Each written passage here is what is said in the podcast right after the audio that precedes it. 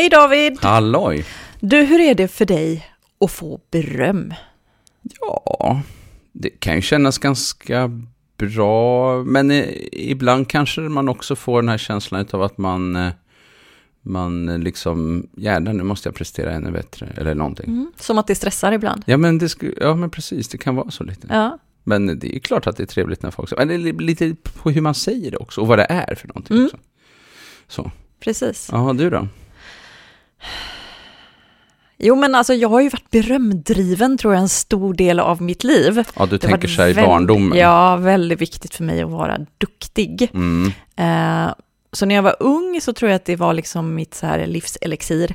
Mm. Nu har jag nog ändrat mig ganska mycket så jag tycker att det är ganska jobbigt att få eh, så här värderande berö- beröm. Mm. Eh, för jag, kan, jag värjer mig mot det och ibland så känns det som att det påverkar relationen till den andra människan. Så, men varför berömmer du mig? Vi är ju på samma nivå Eh, liksom. Så ja, precis. Ja. Ja, men just det. Mm. Ja, vi ska prata om beröm. Ja, men vi ska ju det. Ja. Mm. Eh, Vi tänkte att vi skulle ta ett lite större grepp på det, för ofta så pratar man om är beröm bra, är beröm Mhm. dåligt och man hör ganska ofta när man pratar om barn att man inte ska säga att barnet är duktigt. Ja, men det finns massa sådana där, både det och, och att man liksom också hör jättemycket beröm, alltså bara man Ja. träffar på folk på stan eller var som helst, eller vänner eller andra, liksom att eh, man hör det väldigt mycket. Men precis. Mm. Men du, jag tycker att innan vi drar igång på riktigt i det här avsnittet, kan vi inte stanna upp och berömma oss själva lite? Ja. Eller fira våra framgångar kanske Ja, men det är säga. väldigt kul faktiskt, just det här med, du, du tänker på våra lyssnarsiffror som har ökat. Ja, Ja, det är väldigt de har roligt. ökat. Ja. Eh, Vi har fler lyssnare varje månad Ja, nu än vad vi har hade de första månaderna. Ja, ganska rejält faktiskt. Mm. Och nu tror jag sist jag kollade häromdagen så hade vi över 130 000 lyssningar totalt. Mm. Och det tycker vi är ganska, men vi vet att Det det är är, ganska bra i poddvärlden. Ja, och det som är kul med det också är ju att eh, alltså, det är ett sånt här typ av ämne. Ja. Eh, alltså, det är ju ändå ganska tunga saker vi pratar om. Men Jag menar, det är svåra saker. Exakt, Mm. det är inte kändisar och sex och skvaller, utan det är faktiskt det där som är lite kämpigt och Ja, berörande och, och, och viktigt. Ja, ja det är Ja. jätteroligt. Och för er som är nytillkomna till podden så kan vi väl passa på att tipsa om att man faktiskt kan prenumerera på podden i sin poddapp. Mm. Eh, För då missar man inget avsnitt. Nej, precis. Så att, eh, lägg gärna in det så att ni, så att ni Ja. får det direkt. Och, och så tänkte jag på en sak, för att eh, apropå det där med liksom, hur det är. Jag fick en, kul kommentar från en, eh, en kollega som är psykolog, hon är, hon är terapeut. Och eh, då var det en eh, mamma som hade varit hos henne och hon hade lyssnat på en podd. Och hon hade ändrat på jättemycket saker på hemmaplan och det hade blivit mycket, mycket bättre. Vad Så det var ju så Ja. kul att höra. Ja, precis. Det är ju sånt som är, liksom, det är det som är det roligaste. Ja. Och då tänker jag på eh, de utav er som har lite tufft på hemmaplan. Att eh, ja, men man kan lyssna på eh, olika avsnitt och vi, i, ibland så, alltså temat säger ju ofta någonting om det vi ska prata om, men vi broderar ju lite hit och dit Ja. eh, också. Vi är inte alltid jättebra på att hålla oss till ämnet, även om vi, vi rör oss lite vi fram och tillbaka. försöker. Och jag tror att vi har gjort totalt eh, 27, 27 tror jag det är. avsnitt Mm. nu, så det finns ju Precis. lite att lyssna på faktiskt. här är nummer 28. Yes. Ja, Ja, så med det ska vi dra, ja dra igång. det gör vi. Ja, Mm. ehm, får jag dela min bild av människan med Mm. dig David? Ja. Jag brukar tänka på människan som att hon är byggd i tre lager och den här modellen har jag inte tänkt ut själv, jag har snott den någonstans. Mm. Men jag har liksom så här befriat mig från tanken om varifrån jag har snott Ja. den, så det vet jag inte. Men jag kan, om man, har du sett en rysk docka någon Mm, gång? ja, sån här? ja. Ja. Det yttersta lagret, Mm. det kan man kalla för human having. Mm. Det är där vi definieras i viss mån, vi människor, utifrån våra, vad vi äger och har. Ja, just det. Våra precis, liksom så här yttre attribut och Mm. tillgångar. Jag har en fin klocka, jag har ett Mm. mm. tjusigt hem eller många coola Pokémon-kort och Pet Shops-figurer kanske det är när Precis. man är barn. Va? Sen så nästa lager, mittendockan, det kan man kalla för human doing. Mm. Där eh, definieras människan utifrån det hon gör, utifrån det hon presterar. Och så finns det förhoppningsvis också längst in en human being, en varelse.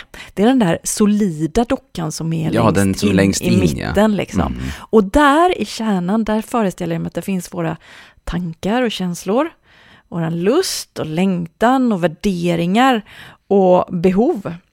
Mm. Och jag tror, jag är faktiskt helt säker på att vi människor, vi mår väldigt bra av att uppleva att andra människor bryr sig om och intresserar sig för vad som finns i våra kärnor. Ja, verkligen. Det... Vad tänker du? Mm. Vad drömmer du om? Vad Mm. längtar? Vad är viktigt för dig? Vad längtar du efter?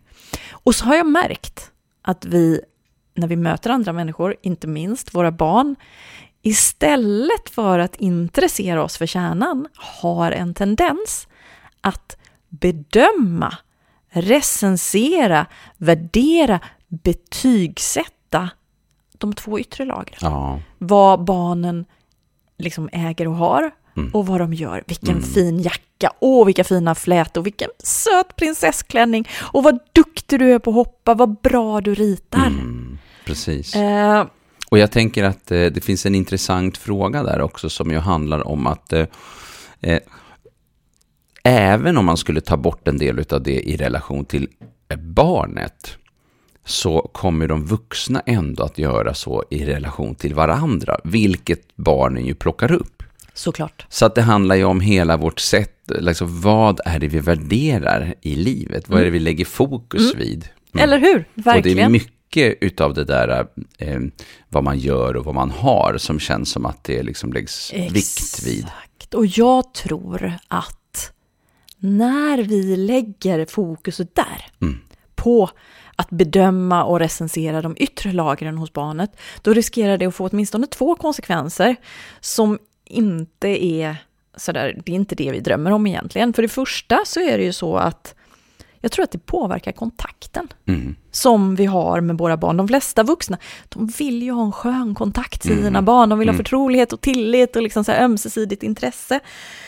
Men bedömningar, vad bra, vad fint, vad duktigt, det skapar ju inte kontakt. Bedömningar, det är liksom ett utropstecken eller ett, pu- en punkt i slutet på det. Eh, det markerar liksom slutet snarare än början Mm. på en Just det. dialog. Utan det som skapar intresse, det är ju så här nyfikna, empatiska eh, frågor. Liksom försök att förstå den andres perspektiv och, och en villighet också att berätta om, om sitt eget perspektiv. Så när barnet kommer och säger titta på mitt eh, legoskepp, Mm. mamma. Wow, vilket stort legoskepp du har byggt. Berätta för mig Mm. om det. "Åh, Det har fem kanoner och så har det så här hemlig avlyssningsutrustning. Åh, hemlig avlyssningsutrustning. Du, jag undrar hur det är att kunna lyssna på vad andra människor säger utan att de vet om det. Mm. Hur tror du att det är? Mm. Skulle du vilja kunna ha den möjligheten? Ja, för då skulle jag kunna lyssna på när du och pappa pratade om julklappar. Alltså, varje gång barnen berättar om något, visar något som är viktigt för dem, Ja, det är som att de bjuder in till kontakt. Det är som att de gläntar på dörren till sitt hjärta. Du, har, du får en möjlighet att stiga in här och vi kan antingen ställa nyfikna, intresserade frågor och kliva över tröskeln. Eller så kan vi säga vad fint, vad bra, vad duktigt. Och då är det som att vi passerar förbi utanför den där dörren. Ja, jag tycker att det där med eh, om vi sätter dit ett komma eller en punkt är intressant. Ja, För att, ehm, att sätta komma, det vill säga att, att vi liksom gärna vill höra om fortsättningar, att vi, att vi intresserar oss istället bara för att göra en bedömning. Vad, vad, vad, vad spännande det kan bli Mm. om vi får alla, alla dessa berättelser, vilket då kan få ja men precis. fantasi och lekfullhet och, och Eller hur? Och jag, jag, jag, var, jag föreläste för ett gäng förskollärare vid ett tillfälle. Eh, och dagen efter så träffade jag en av dem. Mm. Eh, för jag känner henne lite grann också. Och då berättade hon om just det här med, i det, här, i det fallet var det inte ett legobygge, det var en teckning. Mm. Eh, så berättade hon hur hon kom till förskolan dagen efter hon hade varit på min föreläsning. Och så såg hon en liten femåring som satt och ritade. Och så tänkte hon, men gud vilket fint spöke han har ritat. Och hon var precis på väg att säga det. Och så kom hon på, nej vänta nu, jag har varit på kurs. så tog hon ett steg tillbaka och så gick hon fram och så sa hon att, men hej, här sitter du och ritar. Berätta, vad är det du har ritat? Ja. Och då sa den här pojken, det är en hund. och det visade sig då att det var farmors hund. Ja. Och farmor, hon hade ganska nyligen dött. Och de fick då till ett jättefint samtal Mm. om den här hunden. Och Just vad skulle vi göra den, med den nu? När Mm. farmor var död, kan man liksom teleportera den upp i himlen? Mm. De fick ett samtal om liv och död, om liv efter detta. Ett samtal som de ju aldrig hade fått. Om hon hade gått förbi och sagt, åh vilket fint spöke du har Det är ritat. en jättebra berättelse. Visst är det? Ja, den är stark alltså. Den är oerhört stark. Och eh, just det där med eh, att hejda sig eh, och pröva att göra på ett annat sätt, tänker jag är en av de viktigaste sakerna. Och se vad som då händer. Det är ju lite att kasta sig ut i det okända. Eh, jobbar man med barn ska man ju vara där hela tiden. Men jag tänker också som, som, som förälder att kasta sig ut i det okända, för det visar också på någonting mer. Och det är ju att man på något sätt, jag har tid för dig. Ja. Mm. Och jag tänker har- det är ju också otroligt viktigt. Ja. Ibland har man ju inte tid, för den Nej. frågan får jag ibland från Mm. vuxna när vi pratar om det här. Och säger de, men ibland så vill jag bara säga vilken fin teckning, för jag Mm. har faktiskt inte tid att Nej. titta på den just då. Och då har jag ett väldigt konkret tips, Mm. och det är att man säger att åh, du har ritat en teckning till mig. Och jag vill så gärna titta på den teckningen och Mm. prata med dig om den. Och just nu så håller jag på med det här. Snälla, lägg den på köksbordet. Så vill jag titta på den sen när vi har tid så att jag verkligen, verkligen kan Den fördjupa mig i den. Mm. Och sen måste man ju då komma ihåg och följa upp det där också. Mm. Men de allra flesta barn klarar av att ta det. Ja. Eh, och det där är ju intressant för att eh, då visar vi också på någonting annat eh, som jag tänker är betydelsefullt. Och det är ju att vi, för det första så hastar vi inte iväg bara eh, liksom med vårt jäktiga liv utan att reflektera kring det. Men att vi reflekterar högt tillsammans med barnen kring det. Men, och sedan också visar det här intresset man faktiskt har av att få höra mer. exakt. Så det är ju spännande. Eh, Då, då rör vi oss in i det där med kärnan som, som den här ryska dockan. För att det är ju någonting med att eh, det här att få vara, att bara vara, liksom. Att, att, att vi får, får lyssna till eh, barnets egna berättelse om, om, om sina egna tankar och känslor och upplevelser. Och det, det är ju liksom på något sätt, tänker jag, kärnan också i, i utvecklingen. För att eh, när vi hela tiden bedömer, då är det vi som skapar riktningen utan att eh, låta individen själv få vara med och vara medskapare av sin eget varande eller blivande kanske. Mm, Precis. mm, Och det tangerar det andra problemet som jag ser med det här att vi vuxna lägger fokus på att bedöma, kanske framförallt doing-lagret. Jag tror Mm. att vi bedömer mer vad barnen gör än hur de ser ut, men ibland är vi ju där och pratar om det mm, också. Ja, ja. Eh, och när vi uppmärksammar det, då stärker vi liksom, ju mer vi göder de lagren, desto starkare blir ju de lagren. Mm, Eh, och det, jag tror inte det är ett problem i sig att ha ett starkt, om vi tar då doing-lager. mm, Problemet är att om vi vuxna lägger väldigt mycket fokus där i förhållande till kärnan, då blir det som en obalans. ja, precis. Och då blir den där kärnan, den blir lite lättviktig och nästan lite porös och, och ihålig. Och det tror jag är problematiskt för att eh, ett sånt barn med ett starkt doing-lager och en lättviktig kärna, hon tror att hon definieras mer av vad hon gör Mm, än av vad hon är. mm. Och vad händer då om man misslyckas med det man gör? Nej, men precis. Då är risken att man känner sig misslyckad och värdelös Då är, som människa. Jag har en sån här supertråkig teori. Mm, Jag tror att de här människorna som har ett liksom starkt doing-lager och en lättviktig kärna, jag tror att de riskerar att så småningom bli överrepresenterade i statistiken över så här utbrända människor i vårt ja, samhälle. och jag tänker faktiskt också eh, eh, depression, alltså rakt Ja, men ner. absolut. Mm, mm. För om man tror att man Mm. är det man gör. Ja, men precis. Det är en väldig riskfaktor. Jag tänker också på, man hör ju, man hör ju då och då om eh, äldre personer som har gått i pension och eh, ja, men nästan typ dör i samband med att de går i pension på grund av att de känner att de inte längre har något värde. Eh, särskilt vanligt har det kanske varit eh, ännu mer kanske tidigare och, och vanligare kanske också bland en del män som man har hört mer om när det gäller just det, att lägga vikt vid görandet traditionellt sett. Eh, Jag tror kanske att det möjligen kommer att minska, men det vet jag inte riktigt. Jag har en förhoppning om det i alla fall. Men, eh, men det är otroligt sorgligt, Mm, det är det eh, rakt igenom. Mm. Så är det. Jag Ja. tänker att det också säger något om om relationen, hur jag ser på våran relation. Mm. När jag på något sätt tar mig rätten att bedöma den andra. Så igen, jag har funderat på det många gånger. Varför är det när barnet kommer och visar sin teckning? Mm. Om jag då säger, vilken fin teckning. Mm. Varför är det viktigare vad jag tycker om teckningen än vad barnet själv tycker om Just teckningen? Mm. Så om vi nu ska ägna oss åt att bedöma teckningen, varför inte fråga barnet, vad tänker du om teckningen?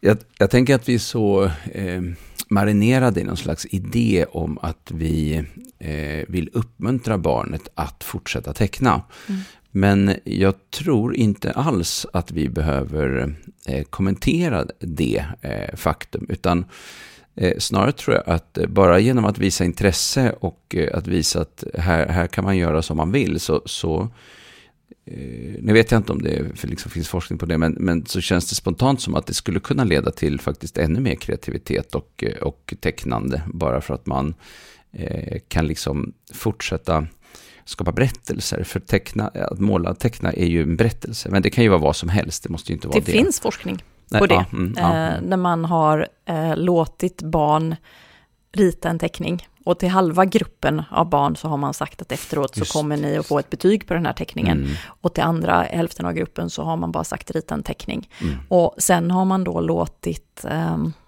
eh, riktiga konstnärer bedöma kvaliteten på de här teckningarna utan att de vet vilken, vilken individ som har målat vilken teckning. Och då visar det sig att de som inte utlovades ett betyg på sin teckning, de bedöms göra mer kreativa, mer nyskapande teckningar än de som utlovades ett betyg. Så vi vet att beröm hävdar, hä, hämmar, Hämmar, ja. kreativiteten. Mm. Ehm, mm. Ja, det, det, är ju, eh, det är ju intressant att, det, eh, att vi ändå fortsätter på något sätt hela tiden med eh, det här. Varför gör vi det då? Ja. Vi gör det för att uppmuntra. Vad är det mer för Ja. anledningar till att vi berömmer våra barn? Jag undrar om det inte handlar om att vi tror att vi visar kärlek så också. Ja, det är ett väldigt konstigt sätt att visa kärlek på. Men Ja. det kanske det är. Väldigt vanligt, tror jag ändå. Ja, det är du är det. så duktig, du är så bra, du är så fantastisk. Men det handlar väl också om att vi, som du säger, vi har en idé om att vi stärker barnen Mm. på det här sättet. Ja, just det. Gör vi det då? Nej, alltså det verkar ju inte så. Eh, och eh, eh, alltså det, det som är problematiskt är ju att det är ju en maktrelation här. Den är ju sned. Eh, den är ju inte ömsesidig. Jag, vill ju, jag är inte nyfiken på att veta någonting. Jag vill bara berätta hur jag tycker. Mm. Så att det finns ju en top-down perspektiv här. Man tar sig en maktposition helt enkelt när Mm. man, när man eh, kommenterar någon. Ju. Det är relevant vad jag, vad jag tycker om dig. Ja, just det. Eh, jag tror inte barn behöver beröm då, David. Man säger Alltså, ju att barn att barn- behöver beröm. Nej, men jag, ja, jo, nej, men det finns ju väldigt starkt eh, det där. Och eh, jag tror att eh, barn behöver uppmärksamhet. Och eh, de behöver engagerade och intresserade människor. Men, men, eh, och jag är inte sån där eh, nitisk människa som tänker att nu måste alla, alla människor ska sluta med beröm imorgon och då hade världen blivit mycket, mycket bättre. Jag tror inte att vi kommer komma ifrån det. Men jag tror att vi behöver tänka till hur mycket vi använder oss av det och att eh, använda eh, eh, vad heter det, intresse, som, och, intre- intresse och nyfikenhet istället som strategi. Men du har rätt i det, att det finns en, en idé kring det. Och det, den är kopplad ganska starkt, tänker jag, då, till den här motivationsidén kring motivation. Att vi motiveras om vi eh, eh, får en, en, liksom, en positiv kommentar, då ska vi fortsätta att göra mer utav det. Exakt. Och det är klart Ehm. att då behöver vi beröm. Om vi blir gång på gång bedömda, Mm, om det är liksom utgångspunkten, just det, då klart kommer som vi fasiken att vi behöver beröm ibland. Om man ska få bedömningar hela tiden, då behöver man få en del positiva bedömningar, för annars mår man ju skit. Liksom. Men frågan är varför ska vi överhuvudtaget bedöma andra människor och våra barn? Jag tänker att de ritar och de klättrar och de bygger för att de har behov av att röra på sig och Mm. vara kreativa. Och de lär sig att gå de lär sig hantera kniv och gaffel för att de liksom vill utvecklas och klara sig själva. De gläds när de lyckas och de sörjer när de misslyckas. Det behöver vi inte bedöma. Vi kan, om vi ska göra något så tänker jag att vi ska dela känslan Mm. som Mm. de har i den stunden. Grattis, du lyckades. Jag vet hur mycket du har kämpat. Jag ser att du är glad och det kan jag fatta. Attans, det gick dåligt idag på På simningen säger du, det är roligare när det går bra, eller hur? Mm. Så vi kan liksom dela glädjen när det går bra och sörja med våra barn när det går dåligt. Det. Mm. Och jag, det lärde jag mig vid ett tillfälle. Min dotter, hon började rida när hon var så här fem, sex år. Och då så sa jag till henne vid ett tillfälle, hon hade var duktig, tyckte Mm. jag. Jag hade gått jättebra på ridningen, jag stolta mamman satt på läktaren och så efteråt så sa jag, vad bra det gick idag, vad duktig du är på att rida. Och då så sa hon, jag vill inte att du säger så, det? mamma. Ja. Och då sa jag, men varför inte det? Och då sa hon, för att om det inte går bra nästa Mm. gång, då vet jag att du tycker att jag är dålig. Just det, precis. Så på något sätt så visade hon mig där att bar, bakom varje positiv bedömning så lurar på något sätt ett hot om en Ja, det. negativ bedömning. precis. Ja, Därför att bedömningen ligger som central, eh, Exakt. någonting centralt i hela relationen. precis. Så efter det så började jag mycket mer att säga att hur kändes det idag? Ja, men det gick Mm. bra. Vad roligt. Jag är glad för din skull. Ja. Ja. idag gick det dåligt. Attans också. Det är roligare Mm. när det går bra, eller Ja, men precis. det är så, och det är så mycket enklare för mig som förälder. Mm. Och det tänkte jag på vid ett tillfälle när båda mina barn gick i simskola och det gick bättre för det ena barnet än det andra. Mm. Och om jag då ska stå där och säga till min dotter som det var, vad duktig du var när du simmade, då får jag ju jätteproblem när min son sjönk som en sten. Liksom. Men om jag istället säger grattis, Mm. jag är glad för din skull, då kan jag också med min son i det läget säga attans skit, det är ju roligare när det går bra än när det går dåligt. Mm. Ja, just precis. Ja. Så va. Mm. Så det blir en väldig skillnad. Ja, det blir det verkligen och det blir lättare för föräldern helt Ja, enkelt. just det. Eh, Det finns ju eh, också forskning som, som pekar på det här med att det är bättre att ge specifik feedback än att ge global feedback. Alltså duktig är ju globalt. Bara det, det har en tendens att lägga sig liksom som en, som en eh, kanske lite våt filt över hela Eh, individen eftersom då hotar också att man inte är duktig. Exempel liksom, ja men den där backhands, när du höll, höll sådär och körde i backhand, vad, vad bra det gick eller vad snygg, snygg backhand du gjorde. Men det kanske är ännu bättre liksom det här med att, att istället då vrida det i riktning mot att eh, vad var skillnaden för dig? Hur kändes det för dig med det där backhandslaget? Eh, liksom. Ehm, och eh, jag såg att det där, när du gjorde på det där sättet, då, då fick du till det. Eh, vad gjorde du då? Liksom? Alltså att man mer går in i själva frågeställningen. Precis, och där, eh, det anknyter till, eh, ibland pratar man om att det finns två sorters beröm. Det finns kontrollberöm och informationsberöm.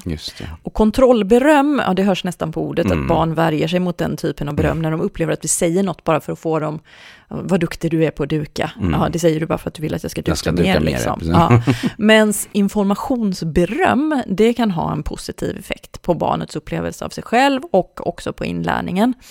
Och det, det hörs ju i namnet informationsberöm, för att information ska ha något informationsvärde så behöver det ju vara ganska specifikt. Mm. Då går det inte att säga, nu gjorde du ett bra backhandslag. Nej. För att, ja, exakt vad var det som Nej. var bra med det? Men om man säger att märkte du nu när du vinklade upp tummen 45 grader, nu bara hitta på Mm. för jag Ja, vet nej, ingenting precis. om backhand Nej. och forehand. Men märkte du nu när du gjorde det här och det här, då hände det här och det här. Mm. Det finns ju utrymme för lärande utifrån Där. ett sånt informativt beröm. Mm.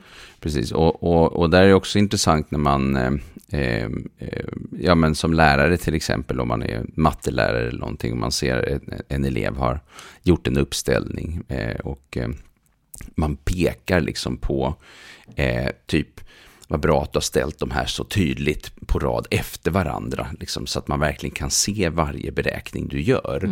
Eh, vad tydligt det blir. Alltså, det är klart att det går att stoppa in ett vad bra där, eller man kan säga vad tydligt det blir, eller det blir så lätt för mig att följa det då Exakt. till exempel. Så att vi har ju olika grader i det där liksom. Men, eh, men vad duktigt du räknar matte är helt meningslös information ju. Ja. Eh, så. Alltså, Som bara säger någonting om relationen och inte om så mycket annat. Jag har också tänkt på, nu ska vi se här om jag klarar av att tydliggöra det här. Det finns två typer av situationer där vi vuxna har en tendens att berömma våra barn. Mm. Det ena är när de eh, liksom presterar saker som vi blir imponerade av. Mm. Eh, när de gör egentligen saker för sin egen skull, skulle man kunna säga. Den andra typen av situationer, det är ju när de gör saker för våran skull. Eh, saker som hjälper oss, typ dukar av tallriken när jag ber om det. Eh, och den typen av situationer har vi inte pratat så mycket om hittills. Och jag tror egentligen inte att vi behöver berömma barnen då heller. Det vi behöver göra, det som är hjälpsamt för barnen, det är om vi visar uppskattning. Mm. Och det är faktiskt någonting helt annat än mm. att berömma och bedöma. Och då tänker jag att det är superviktigt att den uppskattningen är specifik. Som jag säger till mitt barn, vad duktig du var som klädde på dig overallen själv. Alltså det lämnar ganska lite information till barnet om exakt vad var det som jag var duktig med? Var det att jag fick en arm i varje ärm? Var det att jag klarade av det mm. krångliga blixtlåset? Men om jag istället säger tack för att du klädde på dig själv. Det hjälpte mig och sparade tid, så nu hinner jag i tid till bussen. Alltså det finns ju ett lärande där. Ja, är. Mamma är mån om att passa tiden och då blir det också lättare för barnet att komma på fler grejer som hon kan göra för att bidra till mig. Då kan jag också komma med en gång när mamma säger till. Jag kan stämma, stänga av tvn första gången hon ber mig. Men om vi säger vad duktig du var som klädde på dig själv, ja då får jag bästa fall ett barn som klär på sig själv.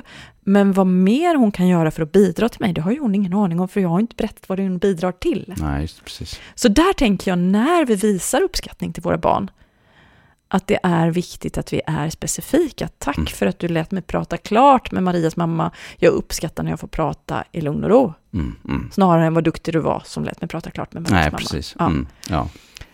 Um. Så det, det, vi kommer tillbaka till någonting som är väldigt eh, mycket mer specifikt, eh, som också ger ett svar på frågan om varför blev jag glad för någonting? Alltså det svarar på den frågan. Exakt. Och det lär ju barnet någonting om mm. sina föräldrar. Mm.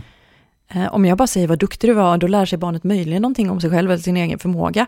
Men när jag säger tack för att du gjorde det här, det hjälpte mig med det här som är viktigt för mig. Mm. Alltså, det blir ju mycket mer ömsesidighet i mm. relationen faktiskt. Ja, det blir det. Ja.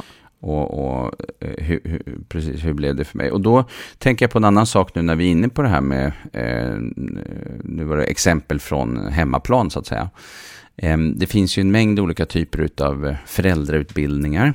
Ehm, en, många olika varianter som bygger på inlärningspsykologisk eh, grund, så att säga, inlärningsteori, ehm, som då handlar ju i grund och botten om att man, eh, liksom, en idé om att människor handlar utifrån vad man har lärt sig, så att säga, att man lär sig.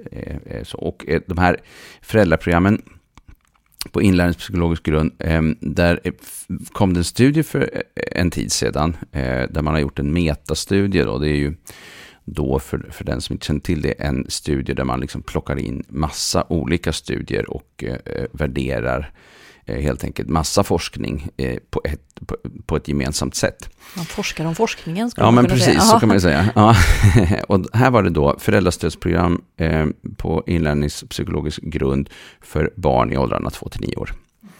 Och då tittade man på massa olika typer av strategier som är betydelsefulla vardagliga strategier. Hot och beröm och, och, och, det fanns liksom alla möjliga strategier ja, som människor... som finns i föräldrars som finns i, i verktygslådan. Ja. Liksom så. Um, och eh, då kunde man se att uh, det fanns en poäng med beröm, men endast till de barnen som hade blivit remitterade för beteendeproblem. Och då hade man dessutom tagit bort alla de andra, alla de typer av diagnoser som typ autism eller trotssyndrom eller andra typer av, utan möjligen hade man ADHD. Mm. Eh, men beteende, liksom, problem, och de hade blivit remitterade till en klinik. Liksom, så det är ju ganska svåra... beteendeproblem. Ja, men man ja. kan tänka, precis. Om man nu ska anveta ordet beteendeproblem. Det krullar sig men, lite inombords ja, på mig nu. Men, men nu om vi säger problemskapande beteenden. Ja, nu vet jag att det stod så i studien, så mm, jag får hacka i med det. Eh, beteenden som skapar problem för andra. Till exempel föräldrar. Mm. Men eh, både du och jag vet ju att de där beteendena är ju oftast lösningar hos barnet. Men uppfattningen är från de vuxna är att det är problematiska beteenden. I alla fall, där kan uppmuntran eh, fungera för just den gruppen. Men det fanns ingenting som sa att det hjälpte i förebyggande syfte eller för den andra gruppen som inte hade så liksom, ja, stora problem. Så det där tycker jag är ju en ganska intressant Och när eh, du säger fungerar, då menar du bemärkelsen skapar följsamhet hos barnet, är det så? Ja, för det är ju grund, är grunden de egentligen ja. i mätmetodiken. Ja. Eh, så är det ju följsamhet. Och mm. det är ju ett mått som man kraftigt också kan ifrågasätta, eftersom vi ju inte eh, önskar det i första hand, följsamhet, utan snarare att man är självständig och eh, självbestämmande och, eh, och så, ansvarstagande. Mm, precis. Jag kan önska följsamhet i stunden. Ja, ja, ja, ja. Just nu vill jag att du håller käften och gör som jag säger, men på sikt så vill jag väldigt gärna att du blir självständig och tänker själv. Ja. Eh, men ja, det har effekt Ja, men jag tycker det är intressant, så att, så att även där så, så visar det sig, och, och då tänker man så här, en tanke som finns i det här är ju då att eh, de här barnen som har stora svårigheter i livet liksom, och, och hamnar i jätte, det är många krockar i vardagen helt enkelt. De är inte kanske så vana vid att få positiv feedback. Så att när de får det så är det ändå positivt i den bemärkelsen att det är bättre med en rad plus än en stor hög minus. Exakt. Och det är ju också någonting som vi känner till, att, eh, att många av de här barnen som, som har det riktigt tufft eh, eh, får väldigt mycket mer negativ feedback från vuxna. Så att eh, man kan behöva liksom kompensera upp det. Liksom. Exakt. Mm. Mm. Men eh, ja, det fanns ju mer saker i den här eh, studien då som, som ju är intressant. Till exempel så var det tydligt att belöningar inte är bra. Det var bra att skilja på barn och vuxna i, i riktigt svåra konfliktsituationer, det vill säga att man kyler ner sig lite granna i heta stunder. Ehm, eh, man pratade om att det fanns en poäng att till exempel om ett barn använder en pinne och slå ett annat barn med så tar man bort pinnen. Alltså den typen av, av strategi. Det, det fanns en poäng i att göra sådana typer av saker. Ehm, ehm, och eh, sen fanns det ju då att eh, lyssna på sitt barn istället för att förmana eller skälla. Du Det är bra. menar att det hade positiv effekt? Alltså nu, det rubbar hela min världsbild här. Ja, och, och för er som inte har mycket. lyssnat på så många avsnitt förut så var jag väldigt ironisk nu. ja. Ja, och resten vet vi inte så mycket om.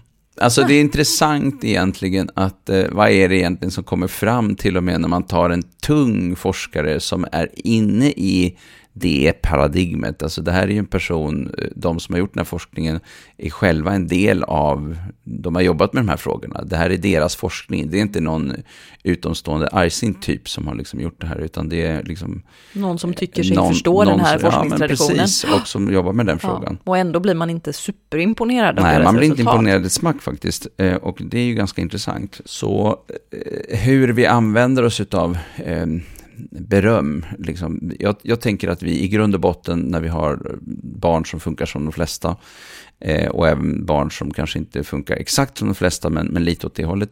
Där behövs det inte särskilt mycket av just beröm utan mer uppmärksamhet och Mm. tid kanske och, och, och engagemang. Intresse, intresse. Mm. samvaro, att visa att jag vill förstå Mm. dig. Ja. Ja, och alltså, det är ju inte så, Det det är är, inte så ju inte konstigt. rocket science det här på något sätt egentligen. Jag tänker på, David, om du är på middag, en, en middagsbjudning, och så hamnar du bredvid en väldigt trevlig bordsdam. Och efteråt så säger du, gud, jag hade en så trevlig middag. Mm. Vad har ni pratat om under den middagen då? Har ni pratat om så här vilka saker du äger och dina senaste framgångar inom konsultyrket? Eller har ni pratat om dina drömmar, din Ja, längtan, det, vad som är viktigt för Mm. dig? Det här är ju det som är så intressant jag tänker också att, eh, att eh, när jag har pratat med, med folk som liksom har suttit bredvid någon som de verkligen tyckte var trist. Vad är det de då har pratat om? Jo, de har pratat bara om sig själva, de har inte varit intresserade av den andra personen, de är, liksom, de är självupptagna, liksom, egocentriska stövlar helt enkelt. Exakt. Och skulle de ställa frågor, Mm. så ställer de frågor av typen, vad har du för eh, handikapp i golf då? Ja. Eh, har, du, har du varit i Boston? Uh, liksom, alltså då pratar man på den här yttre ytan. Ja, men alltså, Men- och även om det inte är så liksom, uppenbart fånigt liksom, som det ju Nej. blir när man, när man lyssnar på det då, utan bara liksom, i övrigt så, så, så liksom, ja, det, det, det är fortfarande på de där yttre cirklarna. Precis, och kontakten den upp, uppstår i kärnan. Ja, Liksom, mm. När vi pratar om vad vi drömmer om, vad vi längtar efter, Ja. eh, vad vi behöver och så vidare. Jag kommer ihåg att jag var med en, en, en kompis på en eh, restaurang och eh, bredvid oss så var det ett par. ehm, och ehm, ja, man fick ju snabbt en känsla av att de eh, var nyrika i den bemärkelsen att de pratade hela tiden. Alltså i varje mening, till och med när de var på förlossningen, då pratade de om vilken bil de hade på förlossningen. Och, där gick sen, och hur många cylindrar den bilen hade, 12 cylinder i Merca liksom. Då fattar man på en gång, shit. Ja, det, hur intressant var det här på en skala? Så, att, så att det är ju lite, och då känns det bara ointressant. Ja, Helt ointressant. Så det, det, är så, det är så intressant liksom att vi, eh, vi, vi, relaterar så, vi relaterar ju dock väldigt mycket till eh, having och doing. Så är det ju bara. Mm. Det är mycket prestation och, och ting, helt enkelt. Mm. Eh, men det är inte det som skapar värde i livet och det är inte det som vi vill att det ska stå på vår gravsten precis. Han körde omkring i en tolvcylindrig Merca och var jätteglad liksom. Vem fan vill ha den gravstenen? Nej, men eller hur? Nej. Du, jag tänker en sista fråga um, som jag vet att föräldrar ofta ställer. Det är ju så här, men mitt barn ber ju om beröm. Mm. Så, men vad tycker du om min teckning då, mamma? Mm. Uh, vad, vad, tänker du om det, David? Ja, jag tänker att det är en process att röra sig i en ny riktning. Eh, och att det kommer att ta lite tid. Jag är inte säker på att det behöver ta så vansinnigt lång tid faktiskt. Eh, har man hela tiden kört på det där med vad tycker du då? Eh, och, och, alltså man har kört på det där med... med Bra, att, fint, duktigt. Ja. ja eh, då, då, eh, då kanske man liksom... Då kanske man ändå kör in på det spåret igen och sen så säger man, vet du, egentligen så är inte det så viktigt för att jag vill ju veta vad du tänker om det här. Eh, så, och ehm, Eh, att det känns mest viktigt. Så man får liksom jobba sig in i någonting nytt, tänker jag.